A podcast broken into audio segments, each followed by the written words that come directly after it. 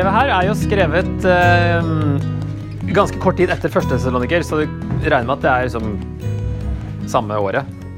At han eh, eh, har fått høre enda mer. Det er jo kort vei da, fra der han er i eh, Korint og opp til Thessalonika. Og så har det vært litt sånn fram og tilbake.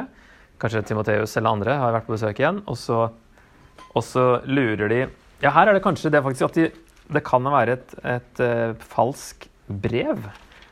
Det nevner han Ja, brev som sies å være fra oss, sier han i 2.2. Og i 3.17 sier han jo Jeg, Paulus, skriver min hilsen med egen hånd. Dette er kjennemerket i alle brev. Slik er min håndskrift. Så kanskje det var et falsk Paulus-brev som gikk rundt, og som sa at Jesus har allerede kommet igjen. Ganske spesielt. Men i hvert fall så er det samme, samme menighet, samme situasjon, og rett etter første Tessaloniker. Derfor er også bildet her ganske likt. da, At det handler fortsatt om Jesu gjenkomst. Eh, kan dele det rett inn i tre, egentlig, etter kapitlene. Eh, hele, igjen så er hele første kapittelet åpninga på brevet, der, han, der vi får sånne smakebiter på hva det handler om. Og snakker mest om utholdenheten deres i forfølgelser fortsatt. Så det blir fortsatt forfulgt. Og fortsatt er det her med Jesu gjenkomst liksom tema. Og her er det at Jesu gjenkomst ikke har skjedd ennå. Og så er det mye advarsler mot et latmannsliv i kapittel 3. Å holde unna alle søsken som ikke holder orden på livet sitt. det, det er interessant, det han sier der. Så bakgrunnen på brevet er jo da at det er skrevet kort tid etter første tesaloniker, ca. år 50. De blir fortsatt forfulgt. leser vi i eh, vers 4-7. Eh, nevner han at dere kan være stolte over den utholdenheten og tro som dere viser i alle de forfølgelser og trengsler dere må tåle. Dette er et advarsel om Guds rettferdige dom. Når den kommer, skal dere finnes verdige til Guds rike, som dere nå lider for, osv. De lurte på om Jesu gjenkomst allerede hadde skjedd, muligens pga. et falsk Paulusbrev basert på 2.2 og 3.17. Og noen følger ikke Paulus sine eksempler og hans overleveringer om hvordan de skulle leve, og de går bare og driver, som han sier. Interessant uttrykk. De bare går og driver. Så eh, Det er jo det vi delte inn eh, mye altså Det ligner veldig på den inndelinga i stad. Fordi kapittel to handler om eh, Jesu gjenkomst, og kapittel tre handler mest om det der eh, latmannslivet. Så hvis vi eh, ser på åpningen i kapittel 1 Så han skriver da i åpningen her at vi må alltid takke Gud for dere søsken, som rett er. Som den takkebønnen. Eh, at det går bra fortsatt. Troen deres vokser seg stadig rikere. Kjærligheten dere har til hverandre, blir større hos hver og en av dere. Når vi forteller om dere i Guds menigheter, kan vi derfor være stolte over den utholdenheten og tro dere viser i alle forfølgelser og trengsler dere må tåle. Og det at de blir forfulgt, det er et varsel om at Gud skal dømme rettferdig, og når den dommen kommer, så skal dere finnes verdige til Guds rike, som dere nå lider for. For dette er rettferdig i Guds øyne. Når noen volder dere trengsler, skal han gjengjelde med trengsler. Og dere som møter trengsler, skal han gi lindring sammen med oss. Slik blir det når Herren Jesus åpenbarer seg fra himmelen sammen med sine mektige engler. Nå glir han litt over i plutselig å begynne på temaet, selv om han egentlig er i denne takkebønnen. Så kommer vi tilbake i vers 11. Derfor ber vi alltid for dere. Så, men det er liksom litt noen digresjon inni her, da. Uh, vers 8. I flammende ild og straffer dem som ikke kjenner Gud, og dem som ikke er lydige mot vår Herre Jesu evangelium. Straffen deres blir en evig fortapelse borte fra Herrens ansikt og fra Hans herlighet og makt den dagen han kommer for å bli lovprist blant sine hellige og hyllet av alle som tror. Og dere har trodd det vitnesbyrdet vi ga dere. Derfor ber vi alltid for dere at vår Gud må gjøre dere verdige til det kallet dere har fått, og fylle dere med all vilje til det gode og med en tro som med kraft viser seg i gjerning. Da skal vår Herre Jesu navn bli æret hos dere, og dere få ære av ham, ved nåden fra vår Gud og Herren Jesus Kristus. Og så kommer han liksom til selve temaet. Så det er en sånn lang åpning temaer vi ser her allerede da, i åpningen, som vi så i går, at de åpningene her de gir oss eh, litt sånn eh, preview av hva som kommer. De viser tro, eh, utholdenhet i tro og forfølgelser. Vers 3, 4 og 11. Og det snakker han videre om i litt i kapittel 2, litt i kapittel 3. Guds rettferdige dom. Eh, og det ja, satte jeg ikke noe pil der, men den kommer eh, vel opp igjen i kapittel 2, ja. I hvert fall vers 12, ser jeg. 2.12. Eh, og Jesu gjenkomst har han snakka om her, fra vers 8 til 10, og det er jo også kapittel 2, vers 1 til 12. Og en livsstil verdig kallet i de to siste versene, i den som er, han sier at det han ber om. Og det kommer han også til da, i det her latmannslivet som vi ikke skal ha. Det er et liv som ikke er verdig kallet. altså, det er en del av bildet, da. Um, at man skal arbeide. At det er noe som ærer Gud. Det er interessant.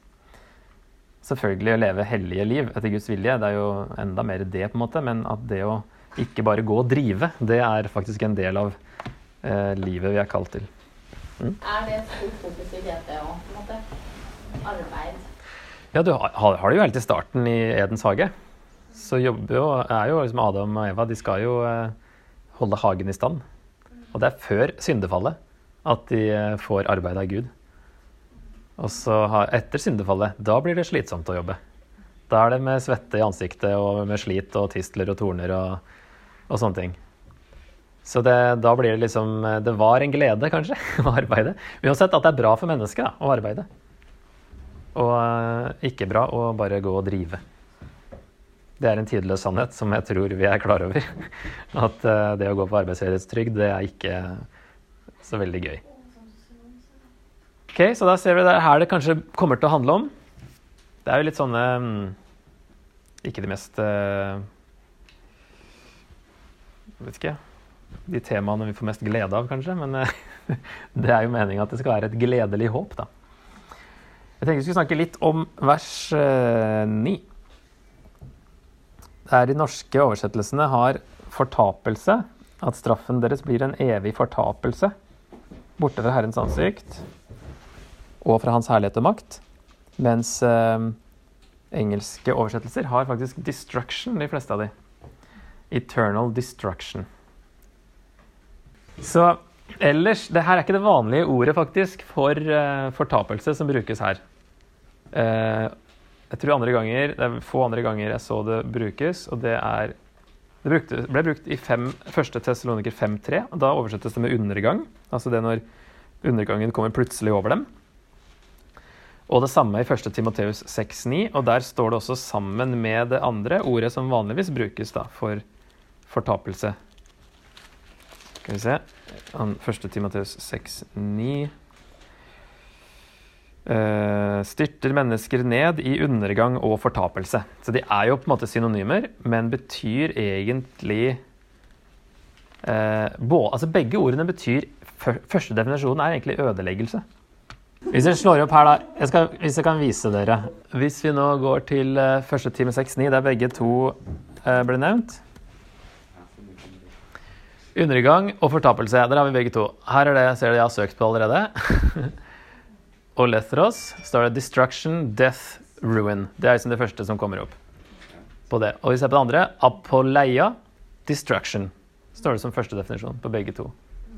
De bruker ordet fortapelse, men ordet fortapelse sier jo ikke noe om innholdet eller hva det nå er. Det er bare at man blir Man tapes, går fortapt.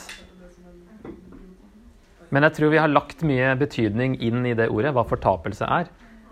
Men altså, det, en ødeleggelse Du blir ødelagt. Du mistes. Du går fortapt. Du tapes. I lys av evigheten, ikke sant? så er du ikke med der fordi du har gått fortapt. Vi tenker fortapelse, det betyr evig pine eller et eller annet sånt. Men fortapelse er bare at du tapes. Det ordet som brukes i um, andre tessaloniker her, er dette her som uh, 'destruction of ruin'. Og det andre ordet som vanligvis brukes om fortapelse, er dette andre her, apoleia, som også har første definisjon her, 'destruction'. Men det ordet som brukes her, hvis du søker på det, så får du bare opp fire tilfeller. Så er ikke det vanlige ordet. Altså i Nytestamentet, da. Det er ikke det vanlige ordet for fortapelse. Og her i 1. Korinter 5 så står det om uh, at kroppen hans blir ødelagt. Der er det jo en ikke en fortapelse som i frelsesperspektiv det er snakk om, men eh, noe, noe annet. Ødeleggelse. Og der er det oversatt 'ødelagt'. Og i 1. Tessaloniker 5.3 så er det oversatt 'undergang', og det er jo om Jesu gjenkomst. Så det er liksom også heller ikke fortapelsen, men altså, ja, en, en undergang. Og her står det da fortapelse i de norske. Mens i engelske her 'eternal destruction', 'everlasting destruction', 'eternal destruction'. Og så har du begge ordene her med undergang og fortapelse. Så det kan jo oversettes fortapelse, men vi har assosiasjoner og en betydning av hva fortapelse er. Og derfor kan det her være litt sånn forvirrende. Eh, ordet bruk, samme ordet brukes, men oversettes da undergangen i første testroniker og fortapelse i andre testroniker. Så det var egentlig det som sto på sliden som jeg hadde her om eh, det som kommer nedover her, er det vi har sett nå. At eh, undergang i første testroniker og første Tim. eh, ødeleggelse i første Korinter 5, 5. Begge ordene for fortapelse betyr egentlig ødeleggelse. Så det er interessant. Um, Paulus snakker om en evig fortapelse, og han definerer det som en evighet borte fra Herrens ansikt og hans herlighet. Det sier jo ikke noe om det er evig pine eller om det er tilintetgjørelse, som er liksom de to tolkningene. Eller det sier i hvert fall ikke at det må være evig pine. Det er jo bare at man er borte fra Gud i en evighet. Det er forskjellige syn som dere skjønner på dette her. Og, og det her Altså, jeg vil bare nevne at det fins et annet syn, da. Eh, At evig pine-synet er Det er mange eh, såkalt evangelikale kristne som, eh, som heller syns at de tekstene her peker på tilintetgjørelse, men det er liksom litt sånn her såkalt guilt by association. Man tør liksom ikke å, å si at man tror det, fordi det tror Jehovas vitner, f.eks. Og kan ikke tro det samme som dem. um, og så blir man veldig i forsvar for evig pine, fordi Jehovas vitner kommer på døra og snakker om at eh, det er feil, og så forsvarer man noe som man kanskje ikke trenger. Um, man fortapes, og det er ev en evig, har en evig konsekvens. Og evigheten med Gud, det er den du mister. Og det har blitt liksom den, kanskje den nye måten man eh, ofte snakker om fortapelsen på, da, hvis man fortsatt mener at, det er, eh, at man har liksom en bevissthet fortsatt, så er det det at eh, man er ikke så opphengt i det her eh, ild og tortur og sånn, for det er jo ikke bibelsk egentlig, det er middelaldersk uh, greier. Uh, og at man tar noen av bildene som brukes, for bokstavelig. Etter min mening. Og så uh, snakker man da heller om at det er en evighet uten Gud, og at det er ille, men det skjønner man jo ikke. ikke sant? Så det, det, er noe, det er noe Det er bra kanskje at man ikke da snakker om at du skal pines i all evighet. og Hva slags gudsbilde er det vi har? og hvor er helvete, liksom? Hva er greia? Det er jo så merkelig Og ordet helvete, det er interessant, da. Paulus bruker jo ikke det. Det er jo bare Jesus som bruker ordet helvete. Og han bruker det bare en tre-fire ganger. Ja, Jakob bruker det én gang. Totalt er det vel elleve ganger i Nyttestamentet, men det er eh, tre-fire ganger forskjellige taler da, på en måte, av Jesus, og så én gang i Jakobs brev. Og det er liksom retta mot jøder hver gang. Altså, det er en jødekontekst. Det ga mye mer mening for dem, fordi det kommer av en dal som lå utenfor Jerusalem.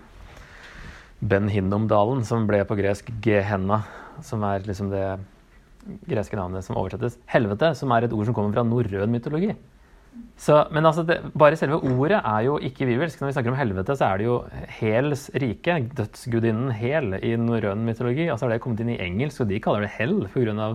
norrøn mytologi. ikke sant? Så det er jo så mye eh, input som ikke er bibelsk på vårt konsept av hva fortapelsen er, som vi er greit å være litt sånn klar over. Hvert fall, hvert fall, altså Det er greit å kunne å vite da, som sagt, at det finnes flere syn. Og det her er jo litt sånn der tilintetgjørelse er jo, for I USA da, så, så er det mange som har det synet som ikke tør å si det når de er ansatt på en teologisk eh, universitet. Fordi skolen står for noe annet, og de kan miste jobben faktisk for å mene noe annet. Og det er mange som da in secret egentlig har et annet syn. Men eh, så er det her evig pine er så stort og liksom forsvares så hardt at eh, og så fort man mener noe annet, så blir man liksom Å, hva er du for en? Hva slags kristen er du? Du mener noe annet? Er du Jehovas vitne? Er du en adventist, eller hva er det for noe? De og adventistene er jo samme synet. da. Så det tenker jeg uten å liksom eh, ta offentlig, eh, offisielt stilling til noe, så kan i hvert fall dere vite at det fins to syn. Minst to syn. Men og, og ikke sant, hvordan hendelsene skjer. Hvor lenge varer dommen og den eh, Før man eventuelt blir tilintetgjort. Det er ting man bare må prøve å forestille seg.